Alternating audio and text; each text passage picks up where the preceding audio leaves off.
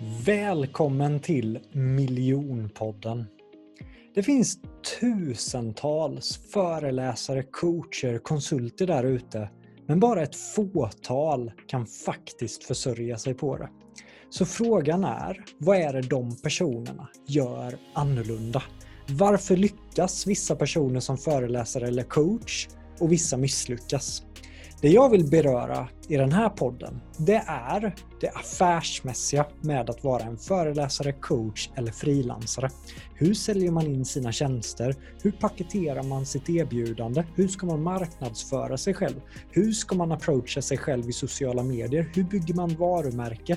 Detta och mycket, mycket mer kommer jag intervjua några av Sveriges främsta experter inom området. Jag själv, Jonathan Ljungqvist, har 10 års erfarenhet från att jobba i den här branschen och jag har också jobbat för och med några av världens främsta coacher. Så att jag är så taggad och inspirerad att ge dig som sitter här och lyssnar hemligheterna bakom det affärsmässiga med att lyckas som föreläsare, coach eller frilansare. Nu kör vi igång! Varmt, varmt, varmt välkommen tillbaka till Miljonpodden. Som så många gånger förr så sitter jag här med en helt otroligt person, en otrolig coach, en otrolig kommunikatör och en otrolig digital influencer är han enligt mig i alla fall. Men han sa att jag är mer i skuggan av andra. Men för mig är han en, en influencer för han är så grym på sociala medier. Jag lärde känna Mario Nogani under miljonkursen och eh, det jag fascinerades över med Mario var den Folk tycker att jag är nördig som läser lite böcker och så, men här har vi en person som har tagit ett nörderi i sitt eget ämne till en annan nivå. Alltså han sitter uppe där på nätterna och han pluggar varenda biologiska beståndsdel om coachning, om, om allt, hur han bara sätter sig in i saker. Och eh, det har ju lett till enorma resultat. För mig är ju Mario verkligen en del av den nya gyllene generationen nu som verkligen kommer 30 år gammal men kan coacha så mycket profiler runt om i Sverige som jag inte ens kunde säga namnen på för att de är lite hemliga. Men att så många människor vänder sig till Mario som 30-åring tycker jag är väldigt häftigt. Han står för mycket tyngd, stabilitet och kunskap och professionalism. Så det vi ska prata om idag, det är hur blir man lika framgångsrik som Mario? Hur gör man jobbet? Vad är de stora misstagen som många coacher gör? Varför tycker Mario absolut inte att man ska kopiera andra? Och det här tycker jag är roligt med Mario, att han säger verkligen vad han tycker, så det vi kan förvänta oss idag är ett väldigt ärligt avsnitt. Välkommen Mario! Tusen tack, vilket intro! Ja, men jag tycker jag fick till det va? Verkligen. tycker du att det symboliserar dig som, som person? Ja. I form av att vara en kommunikatör så gjorde du det utsökt. Så bra. Ja. Tack Helt Mario. vad, eh, jag brukar alltid börja med den här frågan, men vad, eh, vad är du mest stolt över med dig själv som person just nu när saker och ting börjar rulla på väldigt bra? Folk skriver mycket gott om dig. Vad, mm. vad är mm. du mest stolt över? Jag tänker hoppa in och direkt exemplifiera det med att vara nörd och, och, och säga att jag inte alltid vibar med stolthet faktiskt. Um, I min värld, om jag gör mig stolt så kanske jag inte ser liksom, hela perspektivet. Det gör mig lite blind. Det gör mig så att jag hamnar lite i hybris. Um, men för att ändå svara på din fråga um, så skulle jag bara säga att jag gör det jag tycker om. Alltså mm. att jag får mer tid till att lära mig mer kunskap, hjälpa andra människor med det. Det är det som jag är mest stolt över, att jag fyller kalendern med saker jag älskar. Mm. Det skrev jag till Max Sten i, igår kväll. Att eh, tänk vad häftigt Max att vi verkligen lever vårt drömliv. Jag menar, du ska mm. med på vårt nätverksevent nästa helg och ja. vi ska ha recording days nästa vecka och vi har brainstorming och det är bara att vi, att vi får göra det vi älskar, vilken ynnest det är. Verkligen. Privilegium jag inte ta för givet alls. Och det är många som tänker att jaha, det är lätt för dig Mario, du med dina följare och kunskap. Det är lätt för dig att sitta där på tronen nu och, och glassa, men det är ju väldigt hårt jobb. Så vad vill du säga till de personerna nu som tror att det har varit enkelt för dig att nå dit du är idag? Ja, då skulle jag vilja säga check yourself först och främst, för det mindsetet kommer inte ta dig någon vart. um, mest för att om, om vi liksom inte gynnar andras framgångar så blir det svårt för oss själva att bli framgångsrika. Och eh, att vara försiktiga med antaganden. Jag menar, du vet ju kanske lite mer vilken bakgrund jag kommer ifrån, men jag kommer ifrån liksom inga pengar, inget nätverk, eh, tuff uppväxt i form av miljö kan man väl säga. Eh, och som du säger, det har varit mycket hårt jobb och tålamod bakom det, helt klart. Jag tycker din bakgrund är väldigt spännande, just den du har jobbat som fruktplockare i Australien. Bananfarm, ja. Du har, jobb, ja, men exakt. Du, du, har jobbat som dykare även om du hatade att dyka. Du har verkligen rest världen. Hur, hur skulle du säga att resorna har format dig som person? Oj, extremt mycket. Alltså det där med resorna började egentligen för att jag var rädd för det. Helt ärligt. Det är en, en, en sak jag brukar prata om väldigt mycket i min så här fear bucket list som jag gjorde när jag var eh, 19-åring. Så jag eh, eh, eh liksom hittade personlig utveckling och så var det en eh, bok som jag hittade där det stod varje gång du åstadkommit någonting häftigt i, i ditt liv, eh, hur har du känt innan? Och då var det så här rädsla och hur har det känts efteråt? Ja, men väldigt skönt, som att jag liksom utvecklats som människa och blivit liksom tagit steg fram. Så då skrev jag ner den här listan och en av dem var typ resa på egen hand, dyka, isolera mig själv och massa andra privata saker om jag ska vara ärlig. Som jag, mm. det kanske kommer i framtiden att droppa för, så, så, som jag hade rädsla för här. De sociala sammanhang och sånt där. Um, så det utvecklar mig någonting enormt. Alltså att man uh, blir, fram, alltså framförallt skulle jag vilja säga Jonathan, alltså jag blev flexibel. Alltså att kunna anpassa sig till olika miljöer. Och, och det är en form av stresshantering egentligen. Hur blir man duktig på att hantera stress? Alltså ens oförmåga att anpassa sig till en förändrad miljö blir ju stress, brukar jag säga. Så det lärde jag mig extremt mycket. Eh, jag blev mer ödmjuk, fick en större förståelse för världen. Jag, eh, ja, mer ödmjuk kan man väl säga om jag inte ska gå iväg på en rant här nu, men du får fråga vidare i sådana fall. Ja, men det finns massa, massa följdfrågor, bland annat det där du inte, nej, det behöver vi inte gå in på nu Mario, men just när du säger att du blir mer flexibel, jag kan tänka mig när du reste, du fick anpassa dig till nya miljöer, nya människor hela tiden, men när du sitter mm. och coachar nu, ja. allt mellan himmel och jord, så blir ju varje samtal helt plötsligt kan ju du hamna i en miljö, i ett samtal som du inte har varit i innan.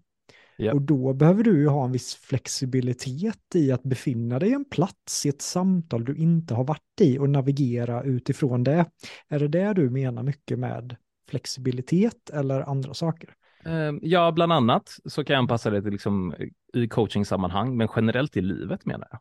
Alltså mm. oavsett vad som händer runt om en. Um, du vet, någon kompis skulle bli sjuk, typ som det har hänt för dig och mm mer det känslomässiga och emotionella skulle jag vilja säga i dag till dag sakerna. Mm. Ehm, det menar jag med flexibilitet. Mer. Alltså att, jag tror det kom en artikel eller studie om det nu som heter så här flexibel kognition. Att kunna se saker i olika ljusperspektiv och sen givetvis så hjälper ju erfarenheterna mig mycket mer. Typ om jag sitter med en, en kund och de pratar om att de har rest eller varit här eller de kommer från olika ställen. Då har jag direkt massa referenser till det och kan förstå dem på ett djupare sätt. Och det, det har faktiskt varit några kunder som kommer till mig för att av den anledningen. De bara, jag tror att du förstår mig. Du vet ungefär vart jag kommer ifrån. Så då dras de till mig också. Det är någonting när man, och det upplevde jag, du och jag hade ett rätt långt snack mm. innan miljonkursen där vi började prata lite om varandras resor och hela rubbet och vi avslutade med att det där får vi ta en lång bastu så att det måste du komma här i höst Mario tycker jag men jag kände direkt en viss connection med en annan traveler. Mm. Ja, samma här, verkligen. Ja, den får vi skriva upp Jonathan. Jag gillar det där du sa också med fear bucket list. Det tycker jag var Mhm. spännande. Vad, eftersom att det är mycket föreläsare, coacher, konsulter som lyssnar på den här podden. Ja. Hur skulle en föreläsare, coach, som har mycket rädslor av att våga ta steget och bli egen eller faktiskt boka den där öppna föreläsningsturnén som man har drömt av. Hur kan en fear bucket list gynna dem? Oj. Om jag ska vara brutalt ärlig här, som du vet att jag är, ja, shoot. så, så hade jag idag sagt att en fear bucket list kanske inte är den bästa saken att göra.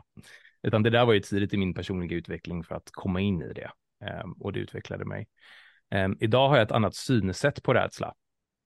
Och då brukar jag säga att vi kan aldrig ha rädslor utan fantasier. Okej, Så vad menar jag med det? Ja, Jo. min hjärna gick i kolos där som du såg. Jag bara... Ja, va? Ehm, så e-, en rädsla är ett antagande att vi i framtiden genom våra sinnen eller perception kommer anta till mer nackdelar än fördelar, mer smärta än njutning, mer dåligt än bra helt enkelt. Men vår hjärna brukar jag säga söker alltid efter typ homeostasis, alltså balans. Så om vi är medvetna om rädslan så brukar jag säga att vi är omedveten om våra gömda fantasier. Till exempel, då, låt säga att du är rädd för public speaking och du vet att du har andra sätt att navigera den rädslan på. Ehm, alltså att prata inför scen så brukar jag säga, äh, har du verkligen den rädslan? Är du rädd för att prata inför folk? Och så folk säger ja, så brukar jag säga, men är du rädd för att prata med din mamma? Nej. Är du rädd för att prata med dina vänner? Nej. Okej. Så det är någonting du tänker på, alltså någonting du jämför dig med som du egentligen är rädd för. Du är inte rädd för själva pratandet, utan rädd för ett utfall av någonting. Till exempel att bli dömd. Eller eh, att det inte ska gå bra, utan att du ska se dum ut. Så i samma sekund som du har rädslan ehm, för, för public speaking och till exempel, så kanske du har en gömd fantasi om att du tänker hur otroligt bra det kommer kunna gå. Och för att lugna rädslan där egentligen då så hade jag Eh, till exempel jobbat här. Alltså vad är fördelen med om den rädslan sker? Hur gynnar det dig? Om det absolut värsta sker, vad är fördelarna med det? Och sen svarar man på den frågan några gånger tills man känner att det lugnar ner sig. Men sen också den där gömda fantasi man har. Okej, vad är det jag verkligen, det där superbra utfallet jag tänker på? Vad hade nackdelarna varit med den om den sker? Och lista ut nackdelarna tills det mentalt lugnar ner sig. Och då brukar rädslan lösas upp lite mer. Så det är ett annat sätt jag jobbar med idag som är väldigt effektivt tycker jag. Proffs du är Mario, alltså. Du kan så mycket. ja, det är lite nördigt som du säger. Ja, lite nördig. Men det är också det som är fint tycker jag, att eh, man får vara nördig. Det är okej att vara nördig i miljonpodden, för jag är också en stolt nörd och jag älskar också mina böcker och grejer. Och... Jag är så älskar att du är det. Men det är så kul när du och jag, det var någon kväll när vi låg och chattade på Instagram, vi typ, vad skrev vi om då? I en och en halv timme. Det var ju någonting jag hade lärt mig att bolla det där med dig och så svarade du. Jag uppskattar det verkligen med dig Jonathan när vi, när vi gör de sakerna. Nörden deluxe. Det, då känner man sig hemma. Ja.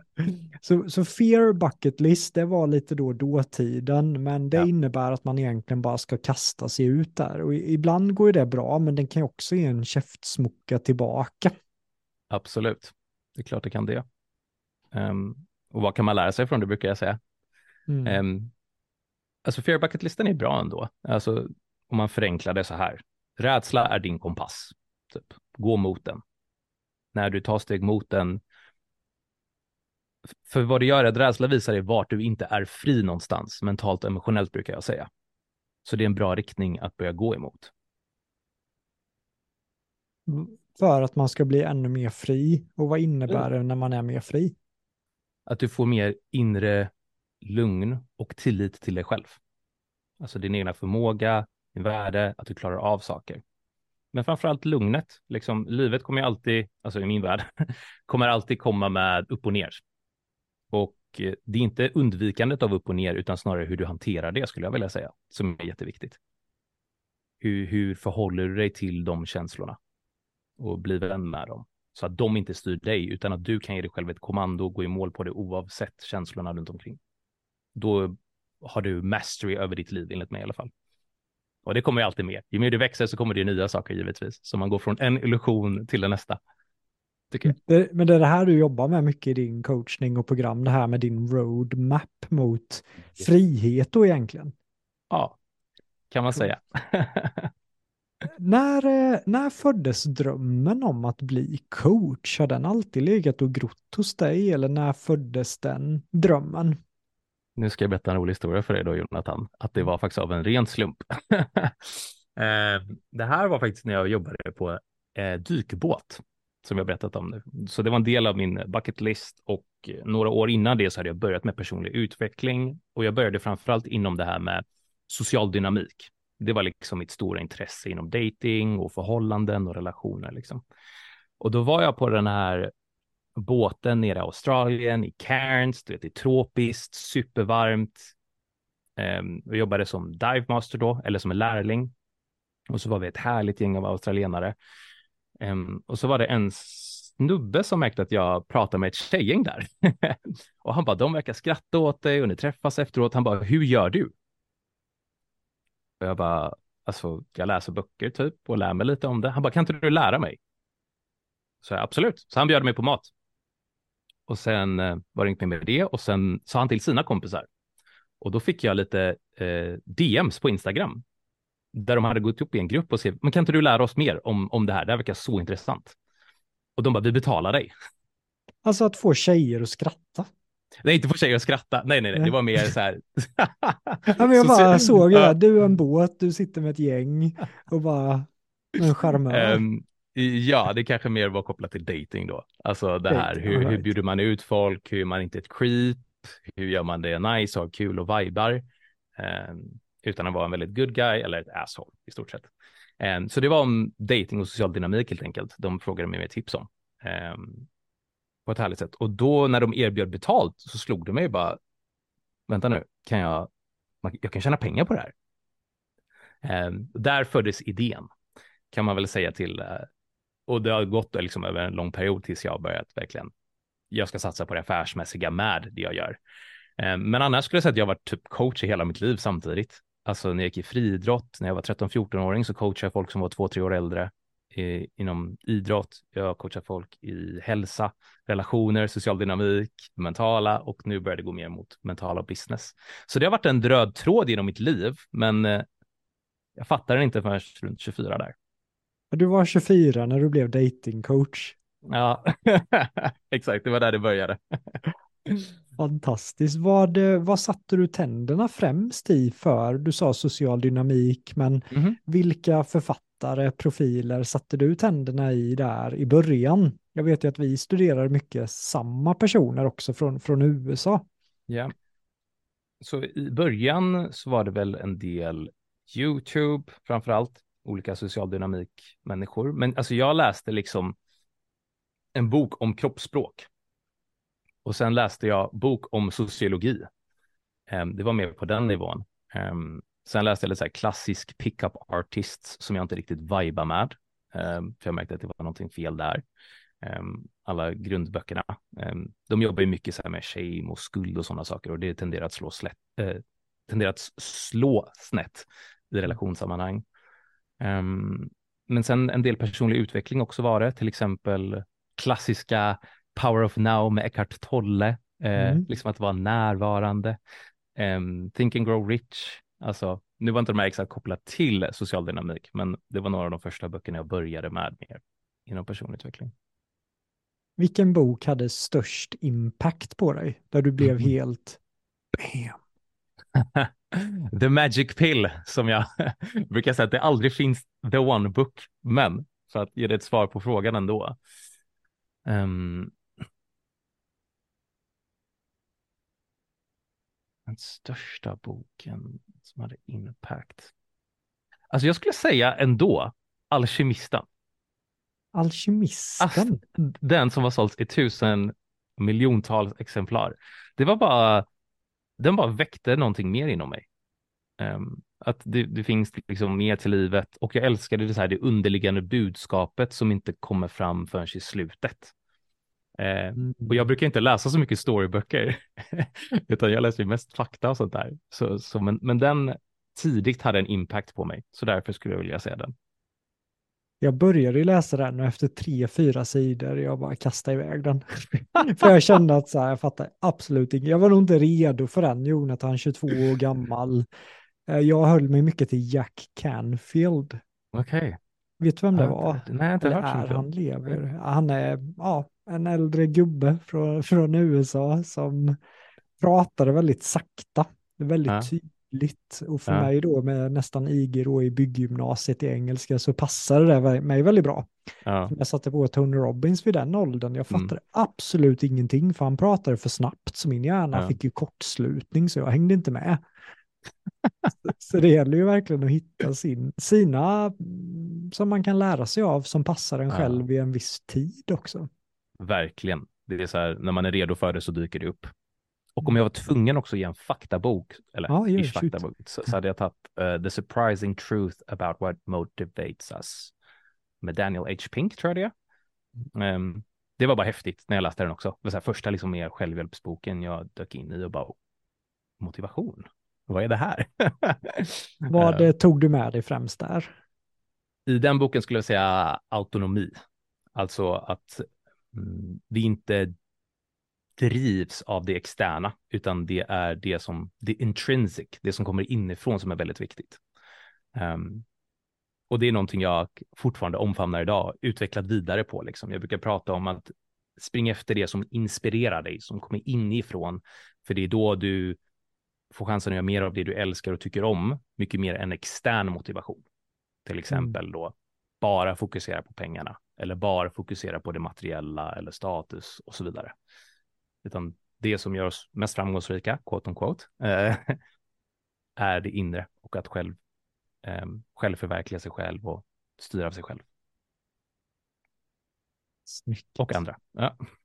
Så det är inte miljonerna alltså?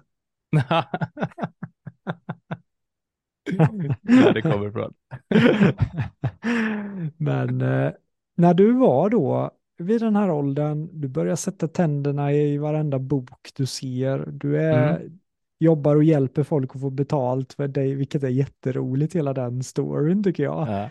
Men sen då kommer du hem till Sverige och bara, nej men nu ska jag satsa. Var det så det var eller jobbar du med något annat parallellt ett tag eller när bestämde du dig för att nu kör jag på det här?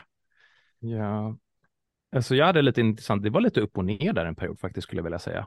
Um, för jag kom hem, hade den idén, men måste ändå säga att jag fick liksom lite motstånd från min miljö att satsa på det. Så den lilla lågan jag hade släcktes ett litet tag.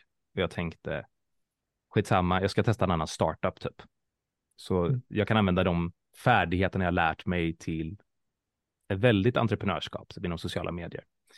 Um, det gick åt pipsvängen uh, under fyra månaders tid efter jag liksom landat hemma så var jag tvungen att tänka om. Okej, okay, hur ska jag göra det här? Hur vill jag göra det? Och då tog jag typ en anställning och sa upp mig efter två månader.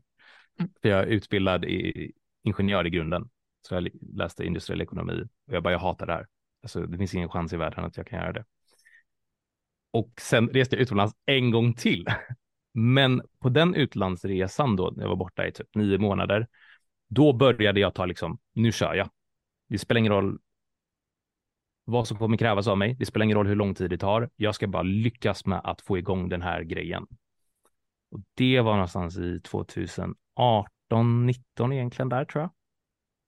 Och under tiden då så utvecklade det här med mer kunskap då. Så här bara, jag vill inte bara vara en vanlig coach.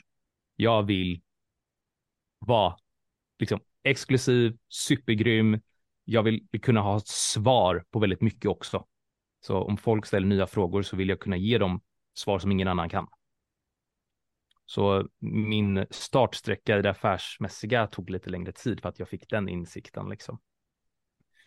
Du ehm. satsade väldigt hårt på att bli grym på hantverket, vilket jag yes. tycker är en väldigt bra väg att, att vandra. Och det är det här mm. som är det luriga när någon blir känd för snabbt. Jag tror jag har mhm. pratat om det här med, med någon annan. Alla avsnitt nu flyter lite i mitt huvud. Men ja. Vissa som blir kända för snabbt, mm. de slussas upp på scenerna helt plötsligt och så står de där och så vill någon coacha, men så vet de inte riktigt vad det är de gör, vad det är som har gjort att de har lyckats och de blir ofta ganska kortvariga. Medan personer som dig som grindar under flera, flera år och sen kliver upp där, de blir ofta väldigt långvariga. Ja. Eller vad tycker du om, jag om personer älskar som har... det där Jonathan. Ja, men det är någonting som bara har slått mig. Att folk jag... har så bråttom dit och de vill bli kända, men sätt dig med boken och gör jobbet. Ja, ja, eh, det är en rappare jag älskar som heter Russ som sjunger The quicker you go in the game, the quicker you go out it. Så att, och det är något jag också jobbar med väldigt mycket, så jag älskar det du säger. Alltså du, om du får en för snäv kurva uppåt så tenderar du att komma neråt också. Um, att det blir väldigt volatilt upp och ner, precis som liksom när det kommer till börsen eller när det kommer till livet med känslorna. Om det är väldigt volatilt upp och ner så blir det obalans, det blir kaotiskt. Ja, sådana där. Men för att svara på din fråga också om eh, jag hade andra jobb samtidigt. Så när jag började satsa på coaching efter jag kom hem efter utlandsresan så jobbade jag typ deltid som PT också. Och det var bara för att låta mig ta tiden, bygga coachingen vid sidan av, samtidigt som jag nördar biomekanik, hälsa, om dieter, protein, kolhydrater, fetter och hur det påverkar tarmflora. Så jag liksom kombinerar allting, allting jag gjorde tillsammans med coachingen för det mentala business och utvecklade vidare så. Så jag hade en väldigt smooth transition kan man väl säga. På ett sätt. Men du visste då vilka, du visste egentligen på ett ungefär vad ditt program skulle handla om och du byggde det så brett med dina skills bara, med, bara att ge sig in i själva kosthärvan är ju otroligt tufft bara att föra sig inom ja. kost. Herregud alltså, det är, ja, det är därför jag inte pratar så mycket om att ja, men, bli vegetarian, la la la, för att jag är så dålig på att försvara mig så fort någon, ja men hur tänker du med de här vitaminerna, de finns bara i kött, jag bara, ja men tyst, jag vill inte prata med dig mer. men men eh, oj, oj, oj, vad committat ja. att du går så brett. Men jag tänker det du sa med börsen också, var det en pik till mig eller var det? Faktiskt inte. Jag tänkte Nej, okay. bara så här blanda in hur jag väver in andra discipliner. Jag tänkte alltså att du hade att... hört att jag har investerat i SBB. Nej, det har jag missat. Var det Nej, men jag fick ju hybris och den var på väg upp och det är ju, jag är ju långt ifrån den enda som har tappat på den aktien. Den har ju sjunkit ah. så att det ah. smällde om det. Så jag ligger back 85 procent där. Men det är bara att hålla tummarna och hoppas på, på ljusare tider. Men jag trodde du hade plockat upp det. Och så. ja, ja. Men eh, committat, jag gillar det. Du studerar, bygger skills. När, när tog du sen nästa steg efter det och släpper PT? Vad, vad, vad, behövde hända för dig för att du skulle vara så trygg med att bra, nu behöver jag inget annat än att bara jobba på företaget?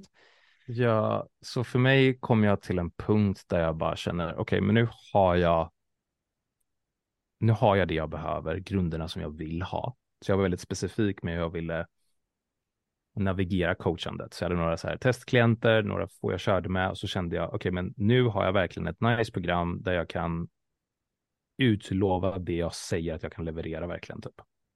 Vilket är den långa vägen om jag ska välja att ta. men för mig var det viktigt. Um, och det var i samband med PT för typ, vad blir det, tre, tre år sedan kanske? Där.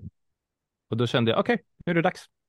Så då sa jag upp mig från PT-grejen eh, och jag hade investerat jättemycket i utbildningar. Så det är något jag gjort. Jag hade typ lagt 150-200 000 i året tror jag. Eh, och så hade jag 30 000 kvar på kontot. jag bara, gotta make it work. motivation. Ja, uh, motivation. Jag hade några kunder rullandes. Okej, okay, jag är rädd, Mario, men vad är det värsta som kan hända? Worst case, jag, har, jag kan dyka på, liksom, jag kan skaffa jobb som dykare, jag kan ta vilket andra jobb som helst. Jag löser det. Um, så då var det bara att köra. Men började med en liten kundbas givetvis. Det såg till att jag har, jag har lite av en strategi och sen gasa på. Jag gillar ju det. Det skriver mycket Dale Carnegie om. Han mm -hmm. skriver det att en grej för att inte behöva oroa sig, det är att verkligen ställa sig själv den frågan du sa där, att ja, men vad är det värsta som kan hända? Ja, men ja. det är det här. Kan jag acceptera det? Kan jag leva med det? Om svaret är ja, go. Ja, exakt. Och det är det resandet som vi pratade om innan tror jag gynnat mycket. Det är så här, ja. du kommer bli okej. Okay. You're gonna ja. be fine. Vi har tak över vårt huvud, vi har mat, vi är inte Ja. på en ambassad i mellan, eh, som Etiopien eller vad som helst. Då har man ett problem. Exakt. Eller i Serbien när en konstapel skriker att jag kanske ska in i rätten. Och då, då är man nervös. Vad är det värsta som kan hända? Fängelse i Serbien? Bara, mm, det är ju inte jättekul. Det är inte samma. Men uh, all right, så att här har du produkten klar. Vad, vad var det mest strategiska du gjorde för att få in kunder i början där? För det har varit väldigt uppskattat i podden att få höra just hur folk tog sig fram i början kopplat till försäljningen. Ja, ehm, särskilt i början. ehm, en sak som jag gjorde var att jag gick igenom alla kontakter jag hade först och främst.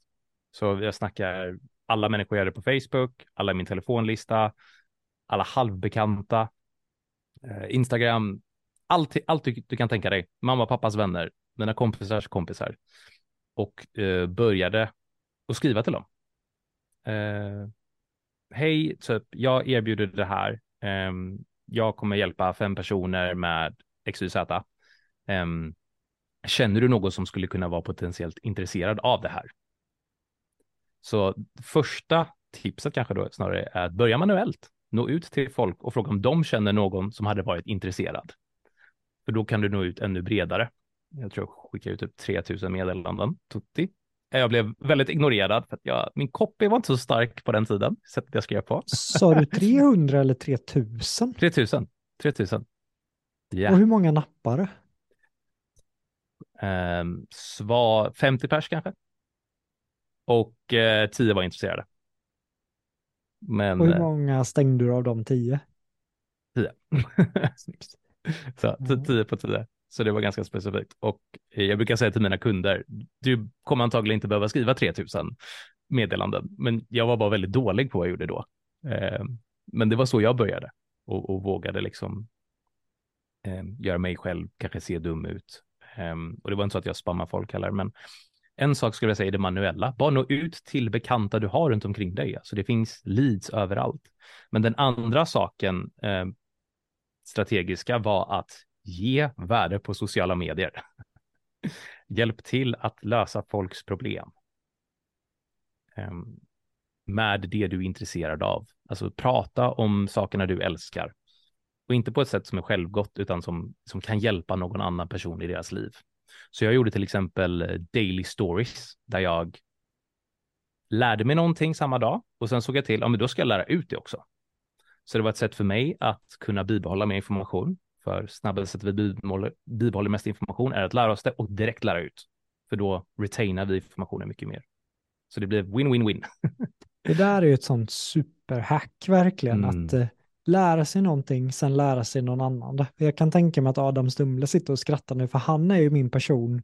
Om jag lär mig någonting så ringer jag antingen honom eller Erik eller Emil eller någon och så säger jag vad jag har lärt mig för att Ja. jag vill ankra kunskapen. Annars är jag rädd att den kommer försvinna. Mhm. Har du någon så här statistik på hur mycket mer procent som sätter sig om man faktiskt gör så? Eh, ja, jag har sett flera av dem. Jag vet inte hur legit de är, bara de studierna och statistiken. Men högst upp på, det är liksom som en pyramid, där högst upp är eh, lära sig och lära ut är typ, då behåller du 90 procent säger man. Så där kan du bibehålla ganska mycket information. Att hur bara- mycket som helst alltså. väldigt mycket. Ja. Det en stor skillnad i mitt liv i alla fall, så Ja. därför är jag en stor promotor av det. Men jag gillar din win-win-sätt att när jag ringer Adam, då stannar ju det där, men du då feedar dina sociala medier, vilket gör att folk också får upp ögonen för dig. Så att det var ju ännu smartare det du gjorde, tycker jag, än det Mm. jag gör då, ringa Adam, peppra ner honom, han blockar väl mig snart. så, så det var ett jättebra hack. Och sen skulle Mm. jag vilja stanna också med att ge värde. Det s- säger ju väldigt många. Ja, Men det är väldigt flummigt. stor, ja, men det är väldigt stor skillnad på värde och värde. Och jag gav Mhm. en metafor på en av miljonkurserna som folk gillade. Mm. Och eh, jag drog ju den i farten nu, så nu ska vi se om jag kan återkoppla till den metaforen. Men, eh, ja, men tänk dig Mario att du befinner dig på stranden imorgon. Så helt plötsligt blir du extremt sugen på en eh, glass. Mm. Vilken är din favoritglass? Blåbärsglass. Från Triumf. Blå, blåbärsglass. Så du vandrar upp där och ställer dig i en kö till glasskiosken och du ser verkligen att blåbärsglassen står ju som en stor skylt och du blir så här bara vattna i munnen. Och du eh, kommer fram till kön och så säger du jag vill ha blåbärsglassen. Det är min favoritglass. Personen ler och säger det blir 18 kronor. Du tar upp plånboken och så, oj, satan, du har glömt plånboken. Så det är kö bakom dig nu Mario. Det blir så här, man kan inte betala för en glass. Du står där och händerna i fickorna och det blir, vad ska du göra? Ingen jätterolig känsla Mario va? Nej.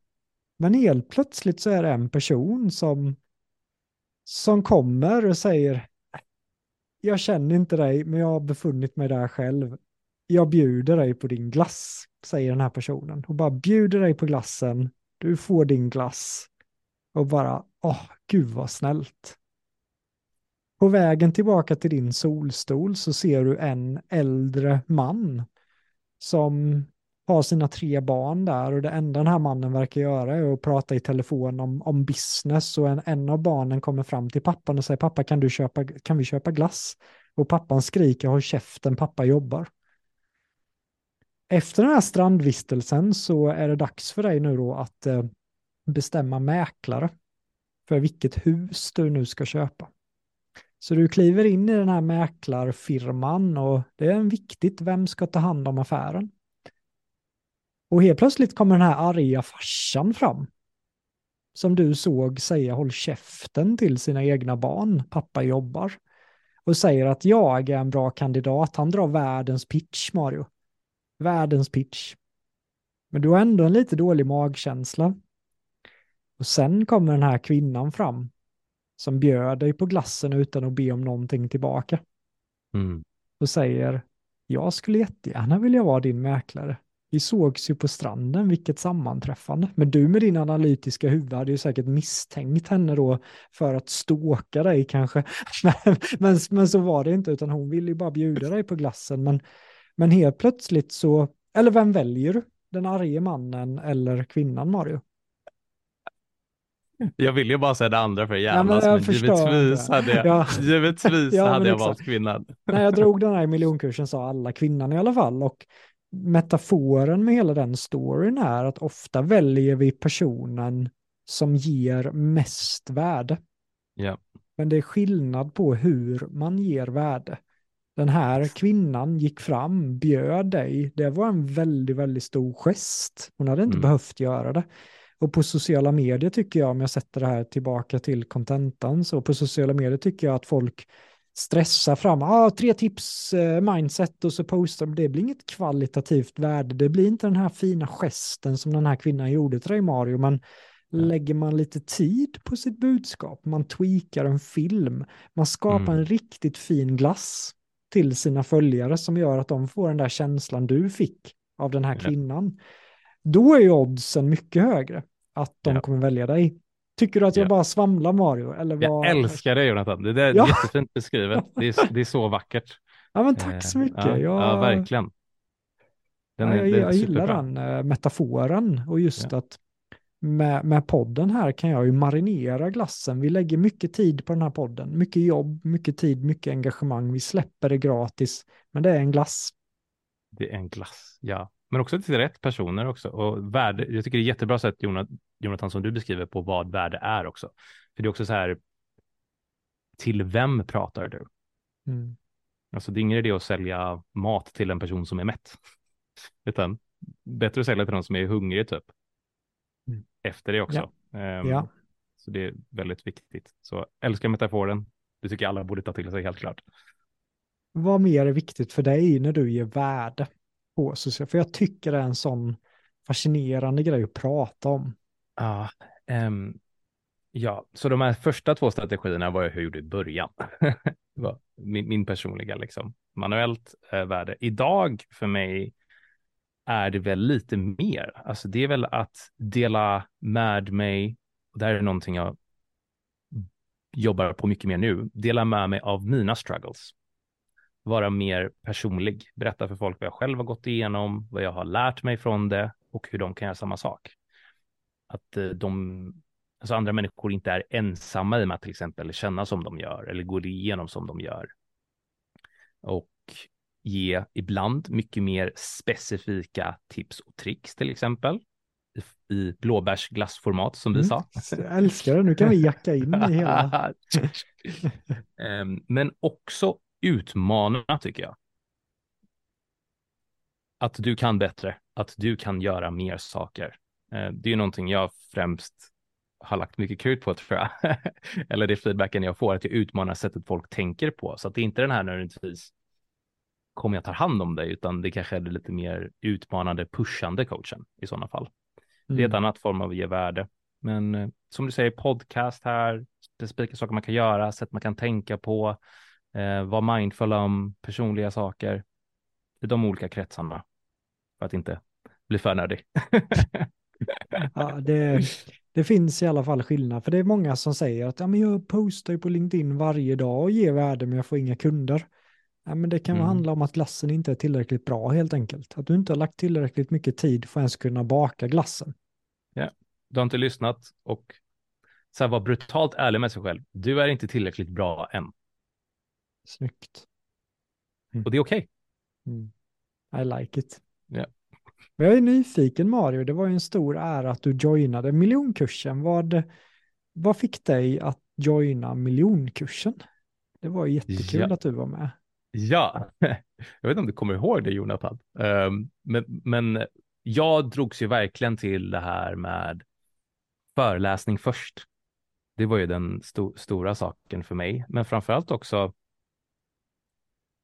Jag tror för mig var det igenkänning. Jag bara, här är en person som jag kan relatera till. Han har också pluggat utomlands, de här amerikanska nördarna, och han har tagit det och lyckats göra det på svenska. Han har, han har tagit ett koncept och lyckats göra det bra. Och gick in på din sida, det fanns referenser, om man klickar vidare där så fanns det två, um, inte webinars, men typ YouTube-inspelningar där du mm. lär ut. Du gav det. Så du hade värdet, du hade referenserna, du eh, hade en charm.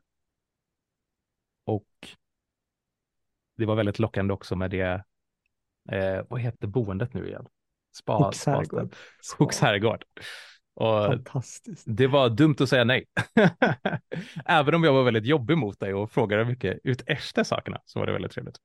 Jag tyckte ju bara det var kul att du frågar, att du ifrågasätter. Mm. Uh, ja, men jag kommer inte riktigt ihåg vad det var du ifrågasatte, men det som har blivit med miljonkursen, att du gick ju nummer tre. Mm. Jag embracear ju sådana som dig. Så att mm. om vi får tio frågor som jag inte kände att det här kan jag inte helt svara på. Då mm. tweakar vi, det är det som är det fantastiska med onlinekurser. Till skillnad mm. mot att skriva en bok, då kan du inte ja. ändra, då är, det, då är det det som är där. Men då kunde vi bara ta bort vissa filmer, förtydliga, lägga till. Vi fick ja. ju frågan från dig en del Mario, vad är skillnaden mellan paketering och pitch då? Ja. Jag har blivit så jäkla bra känner jag på att förklara det nu, dag ett i mina kurser. Så jag får ju aldrig mer den frågan och det fick ja. jag ganska mycket även i gruppen efter dig. Så jag bara, äh, här behöver jag göra en åtgärd. Så ja. mitt tips där är att lyssna när någon faktiskt ger kritik, för det kan göra en mycket bättre. Eller kritik tycker jag inte, du, du var ju alltid snäll. Det var ju inte så att du var oskön på något sätt. Nej, ja. Nej men det är så viktigt att kunna göra det och vara ödmjuk inför det. Men precis också som du gjorde tycker jag, alltså att man har ett krit konstruktivt kritikfeedbacksystem. Liksom man hör det en gång och då kanske man inte registrerar. Men hör man det två gånger, då kanske det är värt att titta på. Hör man det ännu fler gånger, okej, okay, låt mig se över det. Så det tyckte jag du gjorde guld. Snyggt. Nu, nu har vi kört miljonkursen, kör igång tolfte gången nu i augusti, så att jag är inte helt nu i linje med vilka du jag vet ju, Joella var väl i din grupp? Ja, ja Joella. bara när man kollar på er, alltså vilken i efterhand, vilken jävla grupp det var. Men bara Joella, en av Sveriges mest framstående just nu. Jag är så imponerad av Joella. Dig. Mm. Vi mm. hade väl Agnes från Lyckopodden? Stämmer. Vi hade väl Maria Brandell? Ja. och, och vilka mer var det nu igen? Andreas. Andreas, ja vi hade Ida. Det var så många grymma människor i den gruppen. Jag saknar er. Ja, ja det var jättehärligt. Och, och Jag kära Liv också. eh, I, ja men precis, jag tycker i finalen att du verkligen strålade och det är många i efterhand som har sett din finalpitch där, hur tydlig du var, hur spot on du var, den ligger ju på YouTube. Eh, Så att du har fått väldigt mycket cred för just din pitch där i finalen. Det känns ändå som att vi fick till en, en röd tråd genom det hela. Ja, vad häftigt. Ja, Men, men det tar jag verkligen med mig från, från din, din kurs där. Eh, Min svaghet har verkligen varit i copy och strukturera typ. Så det var väldigt skönt att få. Eh, Och någonting jag också liksom creddat dig för och typ liksom tipsat andra med dig om och koll på de bitarna. Gör det tydligt med fördelar, kommer jag ihåg. tack Mario. Vad, eh, jag vet ju att du har reagerat ganska starkt ibland, för jag vet att vissa har, eller jag för mig att du skrev det, har tagit efter mycket av ditt material så att det nästan blir exakt det du lär ut. Och då vet jag att du har reagerat ganska starkt. Vad tycker du med att andra kopierar från andra och kör det rakt av? Ja, alltså. Med jag citerar Ralph Waldo Emerson. Envy is ignorance and imitation is suicide. Ehm, det är en viktig sak. Alltså, det är inget fel med att kopiera tycker jag. Det är så vi människor lär oss. Vi lär oss genom att härma och eh, imitera. Men det är typ hur du kopierar. Alltså om du kopierar någonting rakt av från något du ser på sociala medier och du förstår inte ens innebörden av den. Men då vet du, du vet inte vad du snackar om. Och då kanske du tar någonting och sen vattnar du ner det. Och dessutom så ger du inte credit för det. Så jag ser inga problem med att om du är i början, typ om jag skulle komma till dig Jonathan och lära mig av dig, då kanske jag kommer låta och gå lite som dig till en början. Men till slut så måste jag ju börja forma det till mitt egna, liksom, och mold the clay så att säga. Så att det blir mer, mer jag.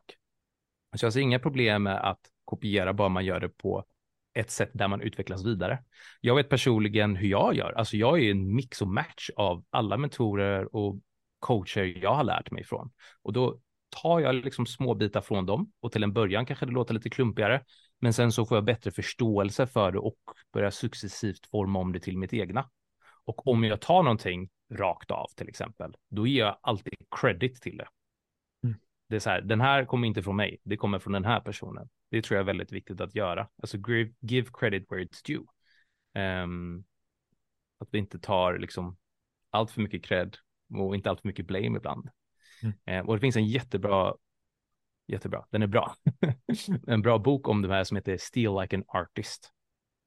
Så alla de bästa människorna som har gjort har liksom, de kopierar inte, de stjäl saker.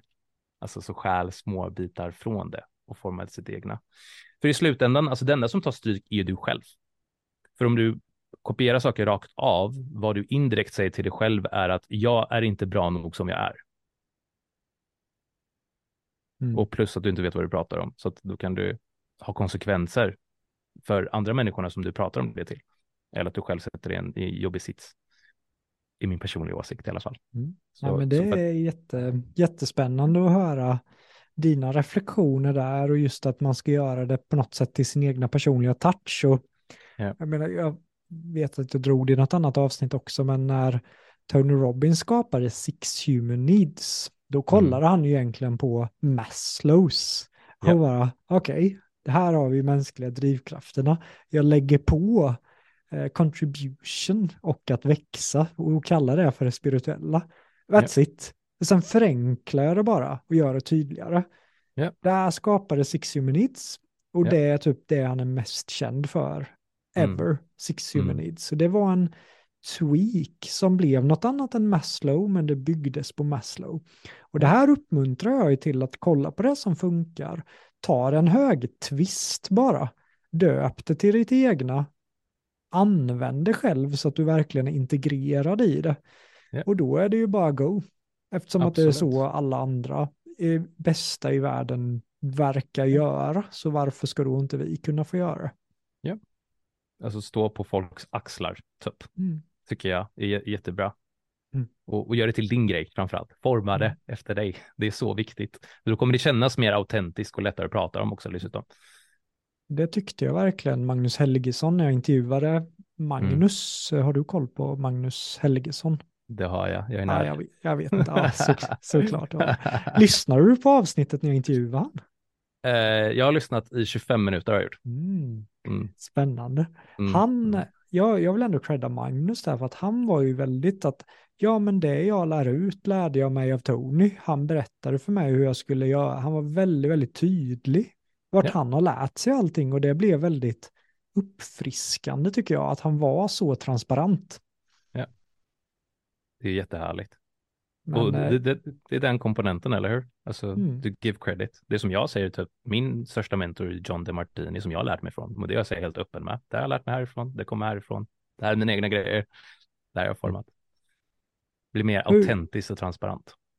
Hur tycker du man ska reagera om man har tagit fram någonting och så märker man att två, tre pers har verkligen rippat det du gör? Hur tycker du man ska reagera då? Ska man höra av sig? Ska man släppa det och fokusera på sitt? Eller hur, hur tycker du man ska reagera? Eh, jag tycker det beror på kanske hur långt du har kommit. Alltså har du någonting patenterat och så vidare, då kanske det är värt att göra det. Eh, men jag tror folk kommer alltid göra det till en skala mer eller mindre. Eh, så men det, då är man ju alltid second best på det.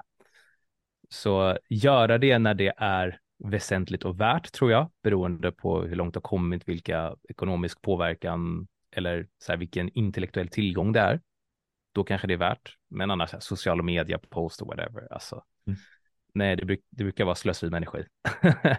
men, men, ja, jag, tror det är mycket energi att bli förbannad, så är det ju. Exakt, det, alltså, det är bättre att du fokuserar på att utveckla vidare det och nästa grej bara, så att du är emotionellt och mentalt välmående istället och så får de andra göra sin sak. Och det kommer ske alla, det, det händer alla.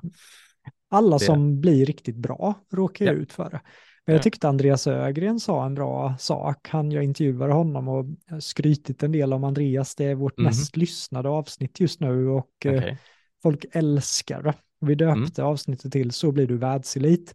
Mm. Oj vad du hade gillat Andreas. Han, är ex han har varit i USA nu, eh, ja. 12-14 timmar om dagen. Så har mm. han skärt i döda människors, människors kroppar med doktoranter som förklarar på mikronivå anatomi mm. och hela rubbet. Så det har han gjort en vecka nu. Och det är ja, ja. otroligt duktig och nördig. Men han sa ju att han på sina kurser säger ju mer eller mindre att eh, så här gör jag, ni kan ta det här, säga exakt samma sak. Men han vet innerst inne, och det sa han i podden också, att han har gjort det i 30 år. Ska de bli bättre än honom så måste de ju lägga alltså decennier. Och det, Exakt. alltså oddsen för att någon blir bättre än honom på det är väldigt, väldigt låga, så han bryr sig inte. Nej, jag, jag lyssnade också in på det avsnitt. Ja. Har du gjort det? Jag gjorde det, så jag kunde relatera mycket till Andreas också, hur han lärt sig mycket på egen hand, testat massa olika saker. Det kände jag igen mig mycket. Så jättefint avsnitt. Kul. Vad, vad tog du med dig mest från det han sa? jag kan inte säga att jag tog med mig så mycket förutom att jag vibar med det. Mm. alltså för det var sån igen, igenkänning. Plus mm. eh, så han pratade om fascia saker. Alltså jag har nördat också i olika sammanhang. Så. Men du får ju träffa honom på lördag. Ja, han kommer. Ja, vi fixar det. Jag, han hade tackat nej, så jag ringde och pitchade igår och då tackade han ja. Ingen som är så eh, motstridig som dig. Du kommer, du kommer, du kommer. du känner mig Mario. Ja, jag vet. Men, eh, men, det var något jag ville komma till där också ju med det sagt. Hmm. Mm. Attans, nu tappade jag. För det är väldigt sällan, men när vi kom in, vi blev exalterade av Andreas och så gled jag bort från den fråga som vi hade, men eh, ja, ja den kanske kommer tillbaka. Ja. Mm. Mm. Och jag som var så stolt över den frågan, Mario. Vad Nej, tror du att det var för fråga? Ja, men vad, vad sa du? Du sa det här med kopiera var vi inne på. Ja, precis. Och sen att Andreas sa att det kommer ta lång tid för dem liksom att lära ja, sig, så det spelar ingen roll om Jag tycker vi, vi kan wrappa upp den, den ja. delen. Ja. Vad, eh, vad tycker du är de största misstagen nya föreläsare och coacher gör som gör att de inte riktigt bryter fram, lyckas inte, tycker de är för klängiga, att de inte gör jobbet eller vad är de största misstagen känner du att många nya föreläsare och coacher gör? Jag tycker den största missen är att många av dem kanske går runt med en fantasi av vad det innebär. Alltså att många kanske fastnar i träsket av livsstilen av att vara coach, till exempel. Att det är skönt, nu kan jag jobba från laptopen och tjäna pengar, jag kan ta högt betalt och höga liksom profits. Och, och liksom quick fix kallar jag det. Eh, Mm. Det tror jag är ett misstag folk, många gör. Det är därför många inte håller i längden. Och många inte har tålamodet eller orket att bryta igenom och att göra jobbet. Så det är en sak jag gillar att utmana folk på. Varför gör du det från första början och hur viktigt är det för dig? Eh, Det är en sak, men sen också att man inte orkar göra ehm, det jobbiga eller att man inte tar hjälp. Att man vågar inte investera i typ, okej, jag kan inte det här. Jag har svårt med att eh, bygga copy. Okej, mina rädslor verkar vara i vägen. Låt mig gå och ta hjälp då och våga investera pengar i att växa också och sluta göra det på egen hand. Eh, det är också en annan miss tycker jag. Mm. Ehm, och det är ju sådana roller som både du och jag sitter i, antar jag, mer eller mer. Alltså att man erbjuder de sakerna. Här har du liksom en plan. Kör. Och även om du inte lyckas med det, då har du i alla fall fått referenser som hjälper dig ta närmare steg. Det är väl de tre snabba jag tänker på. Snyggt. Jag ska ge dig ännu en kuggfråga som min kära nye vän Fredrik gav mig. Ja. nu ler nog Fredrik om han lyssnar på det här. Jag snackade med honom i förrgår och han, han fick en väldigt spännande fråga av Torkel Sköld som jag nu, Steel with Pride, av dig Fredrik. Hoppas att det här är okej att jag tar den frågan du sa till mig, men jag hänvisar ju till dig nu i alla fall.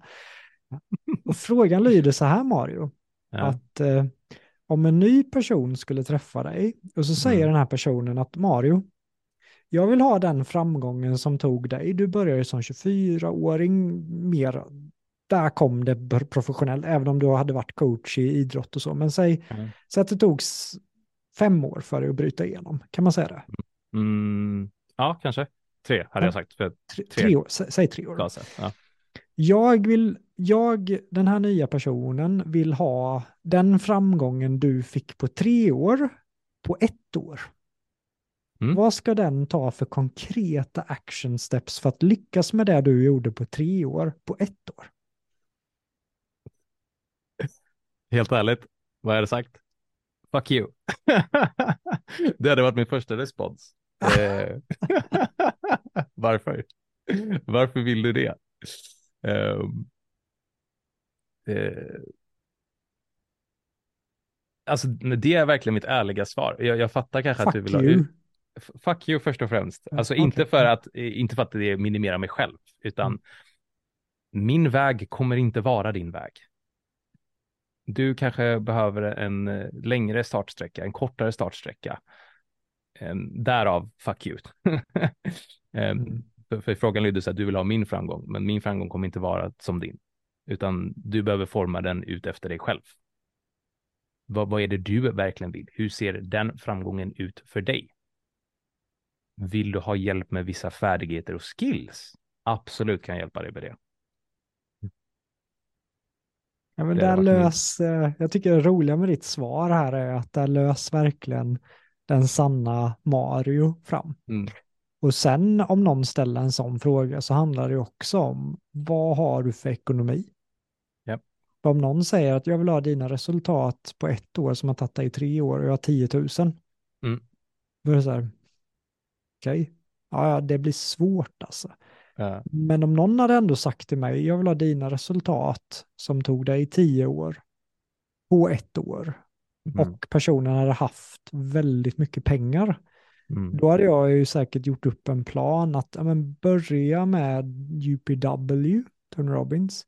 Sen Mm. går du vidare till Date with Destiny för 45 000 och sen köper du KBB för 35 000 och sen köper du in eh, David Phillips som enskild coach i Ja. en månad. Eh, men, men det kommer säkert kosta flera miljoner totalt. Så, så Mm. där kan ju faktiskt pengar kan ju påverka ens resa på ett sätt kopplat till snabbhet. För behöver du ha ett vanligt jobb vid sidan av, det är klart det kommer ta längre tid.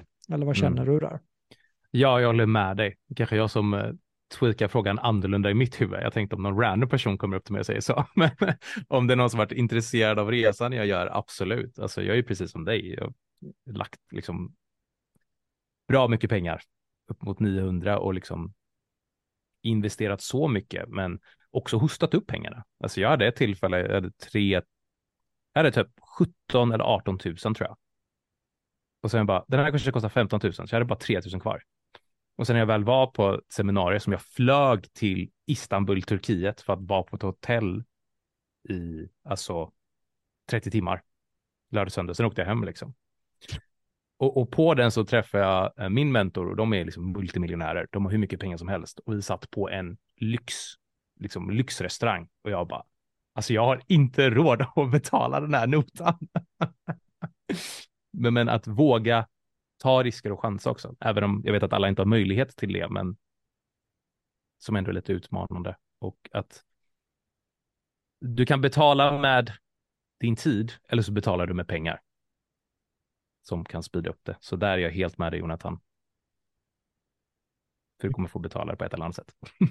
Om en ny f- intresserad vill jag tillägga så du inte säger fuck you igen. nu. Nej. Om en ny intresserad föreläsare och coach kommer och säger Mario, jag har 10 000. Ja. Vad tycker du att jag kan lägga de här 10 000 på för bäst valuta kopplat till att nå framgång som föreläsare och coach? Vad är det bästa sättet att investera 10 000 på? Det är en jättebra fråga. Ja, jag leker lite här Mario, jag känner Mm, mig mm. leksugen. Nej, jag vet, jag gillar det. det. Jag gillar att få tänka lite få andra pitchfrågor. Jag är så jäkla analytisk så jag hade gått in och först och främst så här, vad är det du vill göra? Föreläsare, vad är dina svagheter, vad är dina styrkor? Vad känner du att du lackar mest? Där hade jag börjat först och främst. Så Vill du köra en liten, eh, jag kan ju skifta om du vill till, till Kalle. Ja, kör. Ja, ja vi kör det då. Så det, det roliga är att eh, Max Sten fick ju också träffa Kalle, men Kalle behöver inte vara lika kritisk som Kalle var mot, mot Max. Jag vet inte i miljonkursen om du fick smaka på Kalle då med. Nej, jag har inte fått göra det faktiskt. Ingen Nej, då drog jag in Kalle senare i miljonkursen, för jag gillar ju att träna på det sättet. Ja.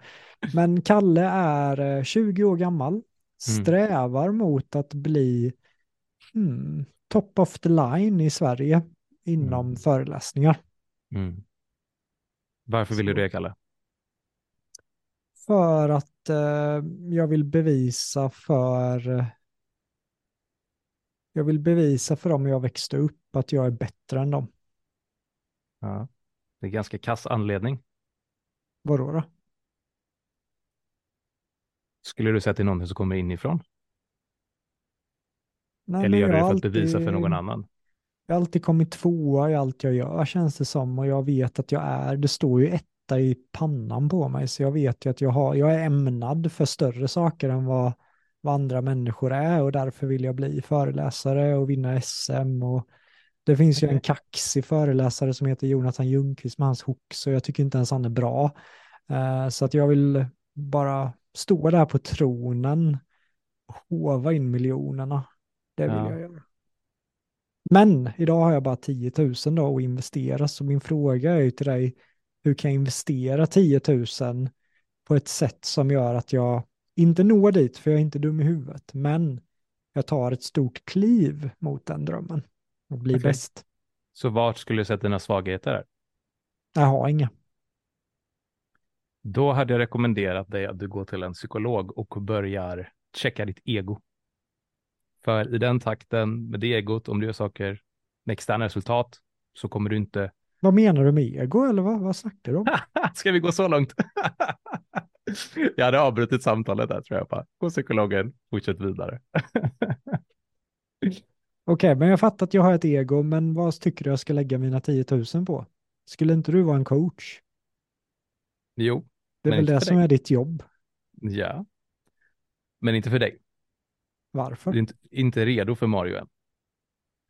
Du behöver gå och läsa lite böcker, träffa lite psykologer, gå på lite events innan och sen är du redo för Mario. Så jag får inget tips med 10 000? Nähä? Vill du att jag ska... Utan sociala content, alltså de sakerna. Du kan följa mig på Instagram, lär dig mer där, sociala medier, gå och googla lite. Ja, bara så du vet så har jag memorerat alla dina senaste YouTube-filmer så jag kommer rippa allt du har och bli bättre än dig. Kör Kalle. Bra jobbat Mario. ja, det är så kul med dig Mario, alltså din ärlighet är så kul. Bara, Fuck you, stick dig. men där fick du en lite jobbig, jag tänkte att det är som att när jag sätter mig i Kalles roll så blir han douchig, han blir kritisk, ja. han blir irriterande, men det är också roligt tycker jag. Ja, men jag har lite sån grej också, typ om jag eh, sniffar Alltså vi kan ju bara möta människor så långt vi har mött oss själva. Så ibland är jag väldigt, väldigt givmild och ibland är jag inte det. Det så här beror på vilken energi liksom, och tillgång jag har. Om jag orkar ta det med den här personen och typ lära ut den personen eller om jag inte har det. Märker jag någon är extremt polariserad, då slösar jag inte min tid på det. Mm. Kalle i det här fallet tyckte jag var lite full av sig själv. Då hade jag bara sagt, han behöver lära sig på andra hand. I'm not the guy. Eh, jag är inte ute efter att rädda världen utan att hjälpa dem jag kan hjälpa. Så. Och eh, nu var ju det här på skoj, men det ja. som är nästan tragiskt är ju att eh, jag träffar väldigt många som för mm. sig mer eller mindre så mot mm. mig. Och det mm. blir väldigt, väldigt avtändande. Så ja. fort man inser det, att det handlar bara om den personens ego. Har, har, du varit med om att det här faktiskt blir ett verkligt fall i en sån dialog? Eh, ja, extremt många. Ja. och, och, då brukar jag gå ner i en utmanande roll direkt så och är lite hård tillbaka för att just forcera det egot. Mm. Så jag, jag gillar att plantera frön. Och så här, varför ignorerar han mig? Varför hjälpte han inte mig? Eh, jag har typ folk som skriver på Instagram, typ, kan du ge mig, de vill ha liksom så här massa råd. Jag bara, du följer inte ens. Varför skulle jag hjälpa dig? så, här. så jag kan vara lite hård med sånt ibland. Sen så har jag en massa gratis content-värde och så vidare som jag ger ut. Men eh, eh, det gäller att veta sina egna gränser tror jag där. Det är viktigt. Mm. Och vad det än är för en själv. Men absolut att jag upptäckte det. Och... jag ibland. tycker det är en, en jättesvår fråga, även om vi hade mött en ödmjuk ung lirare och, mm. och ge rådet om en 10 000 kronor. Det hade varit mycket lättare 100 000 tycker jag, men just 10 000 ska vi då rekommendera massa böcker ska vi rekommendera en timme med Mario. Ja. Ehm, det är ju en väldigt svårt råd att ge. Det är det, men det är så jäkla också kontextuellt. Därför jag ogillar sådana frågor ibland. Även om jag förstår essensen av dem. Men det är ju verkligen så här unika fall. Det är så här, behöver du, du kanske vet hur man föreläser, men du suger på marknadsföring och att eh, branda dig själv. Okej, okay, men lägg de 10 000 på den bästa copykursen eller personal branding-kursen du kan. Eller du vet, spara tills du kan gå till den här för 20-30 tusen för att den är så bra och den löser exakt ditt problem. Det är ju de, det är verkligen ärliga svaret jag hade velat jobba med där. Um, mm. var det viktigaste. För, för det, det vet ju du själv kanske, det är hur unikt det är för dig, vad vi kan lägga de 10 000 kronorna på. Min, min hjärna gick på högvarv där och bara, hmm. men, men när jag var då 19 2019. Det var ju då mm. jag snackade en hel del om, om David eftersom jag jobbade ju ändå tre, tre år med honom så han förtjänar mm. att, att boostas i, i podden tycker jag. Men, ja. men när jag var 19, det var ju då jag googlade presentationsteknik och hittade mm. hans två dagars kurs då. Ja. i Stockholm. Och den låg ju på 10 000 på den tiden för mig. Och jag mm. hade ju inte de pengarna. Mm. Men eh, jag lyckades förhandla ner det till 5 000 och det var ju typ halva mitt totala innehav av det jag hade. Så jag bränner alltså fem, och så ska jag upp en buss till Stockholm. Och så ska ja. det ju äta smart på kvällen, så det var bara, det här är tufft alltså. Och sen visste jag inte vad moms var. Så när jag fick fakturan av David var det 5000 x moms, alltså plus 25 procent. Och då Ja. trodde jag att David var en sån här scammer som bara lurade små pojkar. Så, så jag blev ju skitarg och svarade typ att nästa gång du tar in en 19-åring kan du gärna berätta vad moms är. så himla pinsamt nu. Jag kan relatera så mycket till det. Ja, I början ja. när man börjar med de kurserna, det var jättestora pengar. Ja, eh, Men, Ja. men den investeringen för mig skulle ju bli totalt avgörande just så tidigt eh, Mm. in i, i karriären att jag fick verktyg, kött på benen. Eh, Det blev en, eh, säkert en av de absolut bästa investeringarna som jag gjorde just då. Mm. Var det. Så fint. Det är commitmentet också, eller hur? Tänk att det är 10 000 och du var villig att ge bort 50 procent. Alltså Ja. här, av allt, alltså det är, det är bara som tecken på alltså commitment, alltså, man- är dedicated och man vill verkligen det där. Det är ju mycket det- mer imponerande tycker jag än någon som har massa pengar. Och, alltså du vet så här, det går inte att Ja, men jämföra. det är ju som att egentligen om man räknar i procent, om någon har en miljon på kontot så är det ju typ som att bara, men jag investerar 500 000. Det är ändå 50 procent av ditt totala innehav. Ja. Men jag gjorde ju det tack vare att Ja. en kritiserade mig. På tal om det vi pratade. Jag hade gett ut en självbiografi då Mario. Ja. Visste du det? Nej, okej. Här? Jo, jag skrev en självbiografi för jag tänkte att ska jag bli äventyrare kommer jag säkert dö när jag är ung så att det är ingen, jag måste ju lämna kvar någon, någonting när jag ska bestiga Mount, ja du ser. Ja, Damn, you're deep bro. ja, ja, det var verkligen djup och filosofisk och var ju så committad att jag var, jag visste ju inte om det här skulle gå väg, för Göran, min mentor, var ju död. Och jag Mm. ville vara lika committad som Göran. Men eh, då gav jag ut den här boken och skickade den till en korrekturläsare och tänkte att jag är den nya J.K. Rowling. Och det var ju då jag fick diagnosen dyslexi. Och han sa till mig att du borde nog lära dig hantverket innan du ger ut en självbiografi. Och du borde absolut inte ha med Amandas namn i boken. Fattar hur många 17-åringar som sen blir ihop med någon annan. Så du kan ju inte skriva att det här är den du kommer gifta dig hela, vilket är rätt coolt eftersom jag och Amanda Ja. fortfarande är ihop. Ja. Men jag sket i det, gav ut boken, men jag lovade mig själv att nästa projekt ska jag lära mig hantverket i. Mm. Och därav ansökte jag till Davids kurs, så det var ju lite skamkänsla. Mm. Fattar, fattar. Men vilka referenser du drar där. Jättehäftigt. Där, där fick du ett typiskt exempel också på det här med fantasi, det brukar jag prata om, och sen blir man smackad av världen. Lugn nu. Ja, men det är ibland är det exakt det man behöver.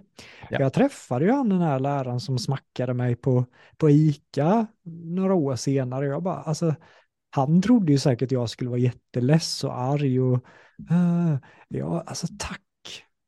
Tack för att du sa att jag var dålig. Tack för att du sa det, för det öppnade ju upp det här. Och sen berättade jag vad jag gjorde idag. Han var helt till sig. Men Mario, vad, eh, vad blir nästa steg för dig nu i din karriär? Kommer du trumma på med ditt program här eller hur ser framtiden ut för, för Mario? Ja, Ehm, det kommer jag absolut göra. Ehm, jag har faktiskt haft en eh, Tanken när börja började på året var att jag skulle börja skala upp faktiskt. Men jag drog i handbromsen i april. Ehm, det har tagit några mer månader för reflektion och visualisera ännu tydligare vad jag vill. Och jag har kommit fram till att jag verkligen älskar mina one-on-ones möten typ. Och så där hade jag velat göra det på en eh, helt sjuk nivå. Alltså jobba med topp, topp, topp människor och vara så skillad ehm, och göra det ordentligt. För jag har märkt senaste flera av mina kunder som jag jobbat med, vi fortsätter jobba. Liksom, vi jobbar i ett, två år. Jag har en som varit med mig i tre år snart. Ehm, så long term, one-on-one, väldigt personligt och exklusivt. Det hade jag velat lägga lite mer krut på. Ehm, Så det ser jag fram emot i coachingen, men jag ser också givetvis fram emot att dela med mig mycket mer av världen, mina tankar som Mind, Mind Your Business kallas ju mitt program, så där ska jag också skapa en form av en podd som jag har skjutit lite på det senaste för att just få klarhet mer i min vision och riktning så att den känns mwah, crisp. Snyggt. Jag vet inte hur många gånger jag gått in på Spotify och sökt på Ja, är podden live än? Eller när kommer Marius podd? Ja. Men, men snart kommer den då i alla fall. Ja, ja den är på G. Den är det på ser jag fram emot. Och Ja. Spännande att du ska sitta där, att det är just one-to-one som du har fastnat för och Mm. vissa fastnar ju för grupper eller scener, men det gäller att göra det man tycker är roligast ju. Ja, och i vilken skala? Jag tror man kan göra det, forma sina bolag och företag på olika sätt liksom. Mm. Och hi- hitta en modell som passar en och sen vet jag att många fokuserar typ på pengar, men det finns ju massa andra sätt du kan rulla pengar på. Så är Eh, det ju. Så är det ju. Exakt. Så vad eh, gör Mario om, hur ser en vanlig vardag ut för Mario om tio år? Ooh, I like that. Mario om tio år, som visionen är, är att han bor högt upp i en lägenhet med stora fönster. Vilken våning exakt vet jag inte, men man som har utsikt över horisonten. Det gör han. Han vaknar upp 8.30, går direkt upp för att ta en kopp kaffe. Det är en nya grej. Det är Emma som har fått mig att dricka kaffe på morgonen. I love it, det försök Ja. kryper dit. Ja, läser, ehm, coachar, utbildar, gör det jag gör idag på en högre skala. Förhoppningsvis håller på med investeringar och hjälper andra företag att växa där, vare sig jag är delaktig i dem eller inte. Och tar hand om kroppen, pussar mina nära och kära, barn, familj, vänner och on repeat. Ger värde, gör det jag tycker om. Gåshud. Ja, Jag trodde dock du skulle säga att du vaknade upp i ditt egna slott eller någonting. Va?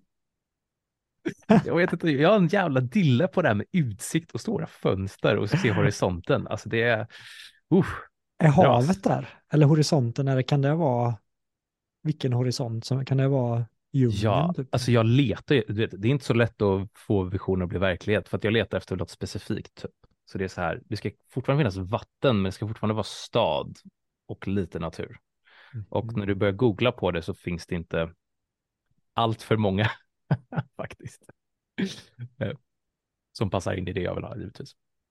Så det är saker. Så inte djungel. Mest, jag är mer betongbarn. jag gillar city. Förra året var du i Sri Lanka, eller om det var för förra tiden bara. Mm. Mm, För, mm. Var det förra året? Två år sedan var det. Två år sedan. Mm. Och då tänkte du att eh, ja, men nu ska jag jobba mycket utomlands och jag ska göra det här. Men det var inte riktigt så starkt positivt som du tänkte och just att coacha och allting utomlands för man kanske blev lite manjana när man är vid en strand så. Vad, vad tog du med dig från hela den erfarenheten? För det är väldigt många jag träffar som just drömmer om sitta på en Mm. strand med en pinapa. Jag kan inte ens, jag kan ju inte drinka, du vet. Pina colada. Ex exakt, nu kommer Katarina sitta och garva ihjäl sig. Men eh, ja, många har den drömmen. Vad, vad, vad tog du med dig, du som har gjort det? Ja, jag, jag har gjort det innan Sri Lanka också egentligen, eh, i andra avseenden. Men i Sri Lanka fick jag nog lite mer nog tror jag. Sen beror det på idag ditt företag givetvis. Låt säga att du jobbar i Sverige med coachingkunder. Då kanske tidsskillnaden först och främst kommer bli en jobbig utmaning. Så det kanske är mer väsentligt när man har ett program där man inte behöver sitta i back-to-back möten. Men den generella saken är väl att för min del var det att jag märkte att mitt nervsystem inte är helt avslappnat. För att du är på ett nytt ställe. Det är nya intryck, nya miljöer. Right? Ehm, och då kan det påverka din energi till exempel. Ehm, det är en aspekt. Ehm, du känner inte till allting. Det är massa nytt att lära sig och då hamnar ditt fokus på det istället för att kanske fokusera på din verksamhet och ditt jobb. Det är en sak. Wifi till exempel är i Sri Lanka var väldigt hackigt. Det gick inte. Det är också saker folk inte tänker på. Vart i världen är du och hur är internet där faktiskt? Du kan inte sitta på plan för där har du inte internet alla gånger. Eh, kanske ha ett så här rostigt 4G, men ja, det är en sak att tänka på. Eh, värmen, det är, där hade vi till exempel inte el 8 till 9 timmar om dagen just under den perioden. Så det är också saker man glömmer att tänka på. Så det finns massa hidden costs med att vara platsoberoende och göra det. Du kanske inte känner dig hemma, folk kommer och går bara. Du känner aldrig att du kan ha fötterna på en och samma plats. Och det är det här jag tycker det pratas för lite om bara. Utan vi målar upp highlightsen av vad det innebär att vara platsberoende och se världen. Och jag fattar, det säljer. Men nu mer och mer så börjar jag märka, jag pratade om det här i mina stories igår, så jag vet att du kanske snappar upp det, är ju kostnaden av att flänga runt hela tiden. Att du blir trött och dränerad, du har inte tillgång till alla saker som du kanske behöver, fokuset är kaos, eh, det är jobbigt, du känner dig trött, du bor konstant i en resväska. Och, och sen finns det andra sätt att jobba runt det. Jag vet att jag och Jella har pratat om det här till exempel. Hon är ju verkligen så här promoter, men hon till exempel bor ju mer på ett och samma ställe en längre period som hon kommer tillbaka till. Så att det blir liksom som ett andra hem i olika avseenden så att man just kan kontra det. Um, så så ser jag lite på det. I love it. Det är ja. jättefint att få ditt eh, perspektiv, att det inte bara är eh, sol och glans att arbeta vid stranden. Nej. Jag menar, det, de gångerna jag har tagit med studier utomlands, jag har inte orkat riktigt studera. Jag skulle ju plugga min dive master i Tanzania på, ja. på eftermiddagarna efter jobb på barnhemmet, men jag var helt slut. Det satt ju med att jag slutade, satt och drack juice med Baba och matade kycklingar och blev värsta hakuna istället. Så det är skönt att också ha en plats hemma tycker jag. Ja. Men självmedvetenhet, verkligen veta vad du vill liksom. Mm. Eh, det tror jag är så jävla viktigt och, mm. och hur det ser ut för dig. Är det platsbombade, kör. Är det inte det, gör det inte. Men mm. gå inte runt där med fantasin bara och tro att det är all good, för då kommer du bli smackad. mm. Ehm, mentalt. Ja, och, och vara tacksam för, för det man har och kanske inte drömma sig bort hela tiden. Mm. Att mm. drömma, men bara när jag får den här miljonen då kan jag ligga vid stranden och så helt plötsligt kommer man dit och så är inte det heller nice och så lever man inte riktigt i nuet. Nej, det tycker jag är väldigt intressant sak, Jonathan, också. Det är så här, folk säger, ja men, jag vill göra det här så att jag kan göra det jag älskar. Det är så här, kanske har du missat lite då? Mm. Alltså, för mig personligen är det här göra det jag älskar, liksom. Och sen råkar det vara produktivt och jobba. Um, det är ju det jag vill lägga min tid på. Alltså, bli trött av att bara ligga på stranden eller gå hikes hela tiden, hela dagarna. Um, eller dyka och chilla liksom. Så här. Det, förr eller senare så kommer du tröttna på det. Men ibland är det gött också. Ibland, givetvis, givetvis. ja, det måste vi ändå göra någon gång i Europa, Mario, ta ett ja, riktigt det häftigt. Ja. Har du haft ett bra samtal, Mario? Jag tänkte svära. Som fan, Jonathan. Det har varit supertrevligt. Jag tänkte ja. du skulle säga fuck you. Fuck us. Fuck us. Ja, klockan är ändå, vi har kört, kört på ett tag här nu och det är det. Ja. Ja, men med vissa personer man bara försvinner in i samtalet. Det här kändes ju typ exakt som den gången du ringde mig när jag körde hem från Stockholm, typ klockan 11 på kvällen och vi bara surrade. Mm. Mm. Och tiden bara pang, sen var jag hemma. Och det är så det här poddavsnittet känns, tycker jag också. Instämmer. Det har varit jättehärligt, Jonathan. Snyggt. Är det något sista du vill skicka med till mina lyssnare? När det kommer till Jonathan så lyssna på din intuition om det känns rätt för dig. Om du dras till honom så lyssna på den inre rösten. Och ta hjälp av honom, lär från honom, prata med honom. Det skulle jag säga. Grymt Mario. Det har varit en ära att ha dig i miljonpodden. Hoppas att du uppskattade eh, vårt snack, vårt avsnitt och vi lägger också alla Marios kontaktuppgifter till hans sociala medier här under avsnittet. Vi önskar dig en magisk eh, morgon, lunch, afton, vad det nu än är för tid när du lyssnar på det här avsnittet. Ta hand om dig. Hej då!